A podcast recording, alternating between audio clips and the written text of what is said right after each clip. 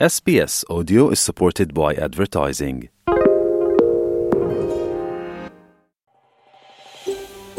waxaad nagala socotaa s b s soomaali ka raadi sheekooyin dheeraada s b s com au xariijin soomaali farxad weyn ayay tahay in aad ku guulaysato in aad noqoto australiyan oo aad ka mid noqoto bulshaweynta astreeliya balse si aad u qaadato jinsiyadda waxaad u baahan tahay inaad ku baasto imtixaanka jinsiyadda lagu qaato. Imtixaankaasi waxa uu eegayaa ama uu hubinayaa aqoontaada aad u leedahay taariikhda waddanka dhaqanka qiyamka iyo nidaamka siyaasadeed ee waddanka astreeliya ka jira. Xalqadan australia explained waxa aan kugu soo gudbinaynaa qayb ka mida nasiixooyinka aragtiyada dadka khibradda u leh arrimahan si ay kugu fududaato inaad ku baasto imtixaanka jinsiyad qaadashada. Astreeliya waa waddan dhaqamo kala duwan leh oo leh in ka badan laba boqol iyo toddobaatan abtirsiinyo astreeliya waxay ku faantaa in ay haysato mid ka mid ah dhaqamada jireenka ah ee ugu da'da weyn adduunka waxayna soo dhowaysay ku dhowaad toddoba milyan oo muhaajiriina tan iyo waxaa jira dhowr siyaabood oo loo codsado jinsiyadda astreeliya waana inaad buuxisaa shuruudo gaar ah ka hor inta aadan codsanin oggolaanshaha ama tafiirta ayaa ah siyaabaha ugu badan ee lagu codsado jinsiyadda astreeliya qareenka socdaalka iva cabdulmasiix ayaa boqolaal qof ka caawisay sidii ay u heli lahaayeen jinsiyadda astreeliya waxay sheegtay in shuruudaha ugu muhiimsan ay tahay in la buuxiyo shuruudaha degganaanshaha waddanka astreeliya iyadoo hadlaysana waxay tidhi The residence requirement has specific criteria. One is that you need to have been residing in Australia on any kind of visa as long as it's a lawful status for the last four years. waxa loo baahan yahay degganaanshaha ayaa ah shuruudo gaara mid waa inaad u baahan tahay inaad afartii sanee la soo dhaafay ku degganayd astreeliya nooc kasta oo fiisa ah marba haddii fiisuhu sharci yahay waana inaadan maqnayn afarta sano in ka badan labiyo toban bilood. Sannadka ugu dambeeyana waxaad u baahan tahay inaad haysato degganaansho rasmi ah oo aan ku meelgaadh ahayn. Ayna jirinna maqnaansho wax ka badan sagaashan maalmood labiyo tobankii bilood ee la soo dhaafay. Shuruudahaasi aan horay ku soo sheegnay ee in la buuxiyo ah waxaa weheliya in codsadaha jinsiyadda ee ka weyn siddeed iyo tobanka sano inuu muujiyo dhaqan wanaagsan. Kasokow buuxinta shuruudaha degganaanshaha codsadayaasha jinsiyadda astreeliya ee ka weyn siddeed iyo toban sano waa inay muujiyaan dabeecad wanaagsan. Marka lagu daro qorshaha inaad deggan tahay astreeliya qofku waa inuu u leeyahay aqoonta asaasiga ah luqadda ingiriiska iyo inuu aqoon u leeyahay astreeliya iyo waxa ay la macno tahay in aad noqoto muwaadin astreeliyaana si loo qiimeeyo taas codsadayaasha jinsiyaddu waa inay fadhiistaan imtixaanka jinsiyad qaadashada iyadoo hadlaysana waxay tidhi they are an adult, so from the age of 18 to 59, they need to show that they have a basic uh, knowledge of English. They will need to sit to have an interview and sit for the citizenship test. hadday yihiin dad qaangaadha marka laga bilaabo da'da siddeed iyo toban jirka ilaa konton iyo sagaal jirka waa in ay muujiyaan in ay aqoon asaasiya u leeyihiin luqadda ingiliishka waxaa kale oo ay u baahan doonaan in waraysi lala yeesho ayna u fadhiistaan imtixaanka jinsiyadda. Haddaba haddii aad tahay qof sharci qaadashada xaq u leh wakhtigii sharcigana gaadhay waa in aad mar walba imtixaanka baraktis ku samaysaa. Miss eva ayaa arrintaa iyadoo caddaynaysa waxa ay leedahay.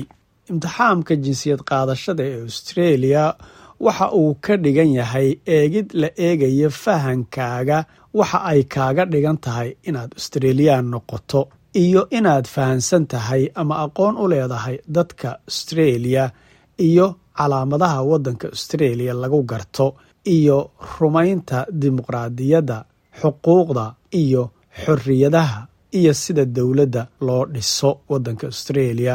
Sidoo kale aqoontaada ku saabsan sida loo dhiso sharciga waddanka australia iyo inaad fahansan tahay aadna diyaar u tahay in aad muujiso qiyamka australia taas oo badankii lagu aasaasay ama lagu dhisay xorriyadda ixtiraamka iyo midnimada. Imtixaamka jinsiyad qaadashada ee waddanka australia waxa uu ka kooban yahay labaatan su'aalood oo doorashooyin leh waxayna su'aalahaasi daboolaan ama ay ka hadlaan astaanta australia dhacdooyinka taariikhda leh ee waddanka australia iyo xuquuqda muwaadiniinta iyo waajibaadka saaran. Eva oo hadlaysa waxa ay tiri 20 multiple choice questions are based on Australian values and you're not allowed to have any mistakes in any of them. So the, the pass mark for the test is 75%, which means it allows ka mida labaatanka su'aalood ee doorashooyin kale waxa ay ku aasaasan yihiin qiyamka waddanka australia mana lagu ogola in aad khalad ka samayso mid ka mida su'aalahaasi sidaa daraaddeed baasitaanka imtixaamkaasi waa toddobaatan iyo shan boqolkiiba taasoo ka dhigan khaladaadka qaar in lagu ogol yahay balse qaybta australia qiyamkeeda ah wax khalada su'aalahaasi lagama ogola haddii aad hal su'aal ku khaldanta ama aad garan weydana waxay ka dhigan tahay in imtixaankii dhammaan aad ku dhacday. Si haddaba arrintaasi aad aad xogogaal ugu noqoto websiteka wasaaradda arrimaha gudaha ee home affairs gov au waxa uu kugula talinayaa in aad si fiican u barato waxyaabaha ku qoran buugyaraha macluumaadka ee imtixaamka muwaadinimada australia kaasoo loo yaqaano australian citizenship our common bond buugyaraha aan soo sheegnay waxaa lagu heli karaa isaga oo ku turjuman afartan luqo oo waddanka australia dadka ku nooli ay yihiin kuwa isticmaala.